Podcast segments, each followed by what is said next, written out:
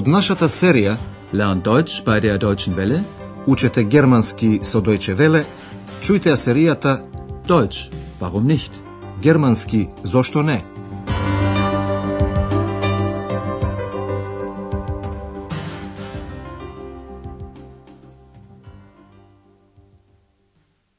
Liebe Hörerinnen und Hörer. Добар ден, почитувани слушателки и слушатели. Денеска нарете деветата лекција од првата серија под наслов Тоа веќе го знаеш. Та свај студох. Во последната лекција вие откривме тајната на потеклото на екс. Да повториме. Андреас седеше во собата и читаше книга за вредниче джуджиња на Келн, кои навечер одеа кај занаечиите и ја завршуваа нивната работа.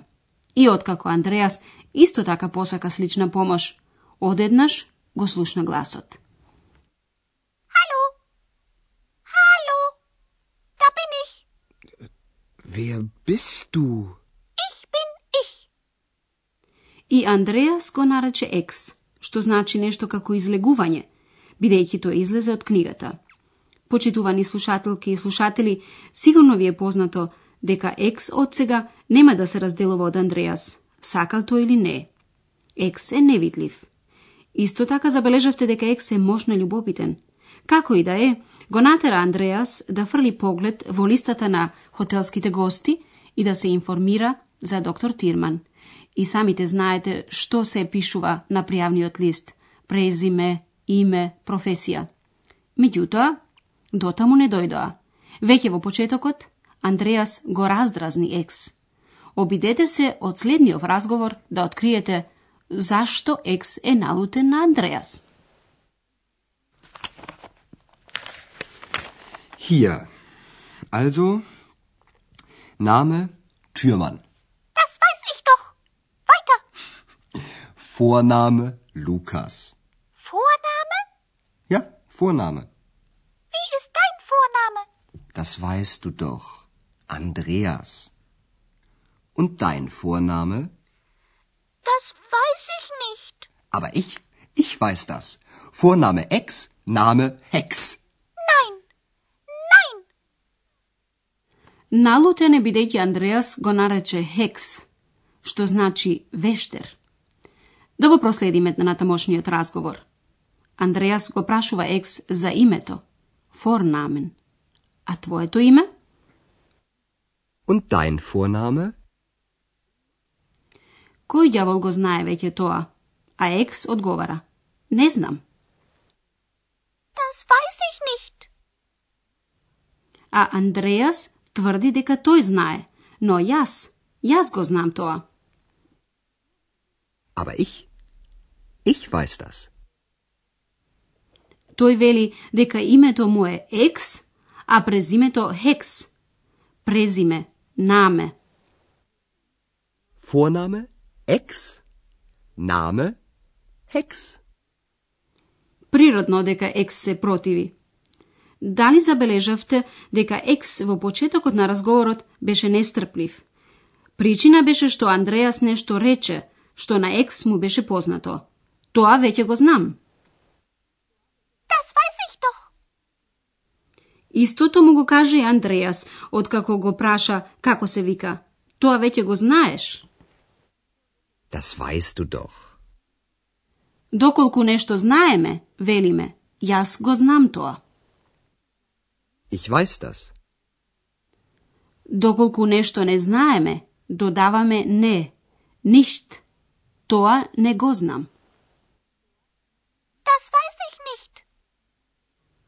Доколку сакаме некому да му обрнеме внимание дека тој прашува за нешто што веќе го знае, велиме, тоа веќе го знаеш. Das weißt du doch. Екс го тера Андреас да гледа натаму, вајта, во листата на гостите. Weiter. По кратка пауза, Андреас и Екс се враќаат на доктор Тирман. Контролираат која професија, беруф, ја има тој и каде му е местото на живење, вон орд.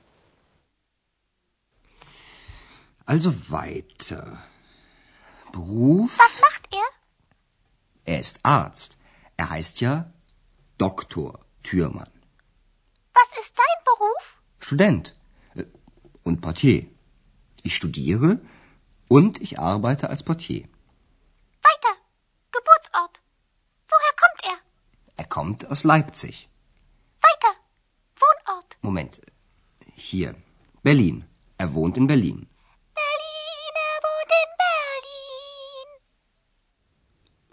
Доктор Тирман, значи, е лекар и живее во Берлин. И екс радосно почнува да ја пее песната за Берлин. Доктор Тирман е лекар по професија. Тој е лекар. Er ist Arzt. Андреас го дополнува екс, велејќи дека Тирман всушност е доктор Тирман. Er heißt ja Doktor Thürmann. Меѓутоа, докторската титула не е индиција дека некој навистина е лекар или?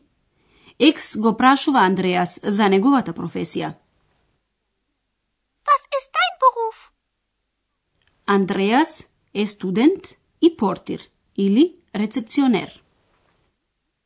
Student und Portier. Андреас заработува работејќи како портир. Јас студирам и работам како портир. Ich studiere und ich arbeite als Portier.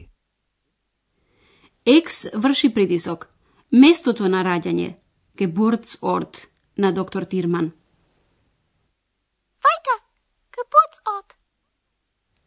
Тој сака уште попрецизна информација. Од каде доаѓа? Woher kommt er? Доктор Тирман е роден во Лајпциг. Тој е од Лајпциг. Er kommt aus Leipzig. Меѓутоа, местото на раѓање не е автоматски и место на живење. Доктор Тирман живее во Берлин. Тој живее во Берлин.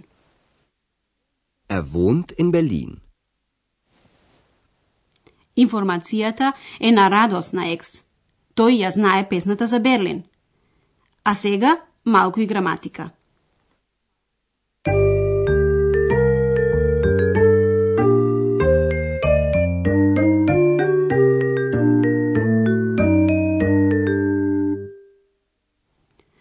Досега слушнавте различни информации за доктор Тирман. Dr. Thürmann ist Arzt. Dr. Thürmann wohnt in Berlin. Dr. Thürmann kommt aus Leipzig. Доколку не сакаме да го повторуваме истото име, тогаш го заменуваме со лична заменка тој, ер. Dr. Thürmann ist Arzt. Er wohnt in Berlin. Er kommt aus Leipzig. Личната заменка во овој случај е за машки род. Чујте уште неколку примери. Das ist Andreas. Er ist Student. Er ist Portier. Er kommt aus Köln. Дали се сеќавате дека ви рековме оти глаголите во германскиот јазик имаат завршок? Во трето лице еднина глаголот завршува на те. Чујте ги примерите уште еднаш. Was macht Dr. Thürmann? Er kommt aus Leipzig. Er wohnt in Berlin. Ако сакате да дознаете од каде некој доаѓа, тогаш ја употребувате прашалната заменка од каде, woher. Woher kommt er? Во одговорот го употребуваме зборот доаѓа, kommen и од, aus. Er kommt aus Leipzig. Доколку кажуваме каде некој живее, тогаш употребуваме во, in. Er wohnt in Berlin.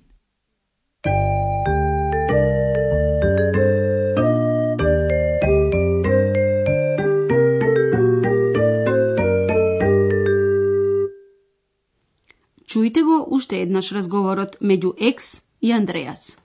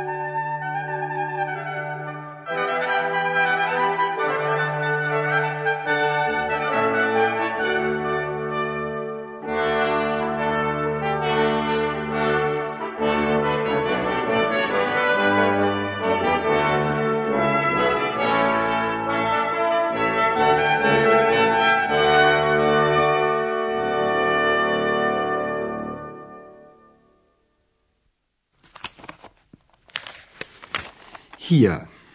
Also, Name Türmann. Das weiß ich doch. Weiter. Vorname Lukas. Vorname? Ja, Vorname. Wie ist dein Vorname? Das weißt du doch. Andreas. Und dein Vorname? Das weiß ich nicht. Aber ich, ich weiß das. Vorname Ex, Name Hex. По краткиот диалог околу тоа кој како се вика, Андреас и Екс се враќаат кај доктор Тирман. Also weiter. Beruf? Was macht er? Er ist Arzt. Er heißt ja Doktor Türmann. Was ist dein Beruf? Student äh, und Portier. Ich studiere und ich arbeite als Portier.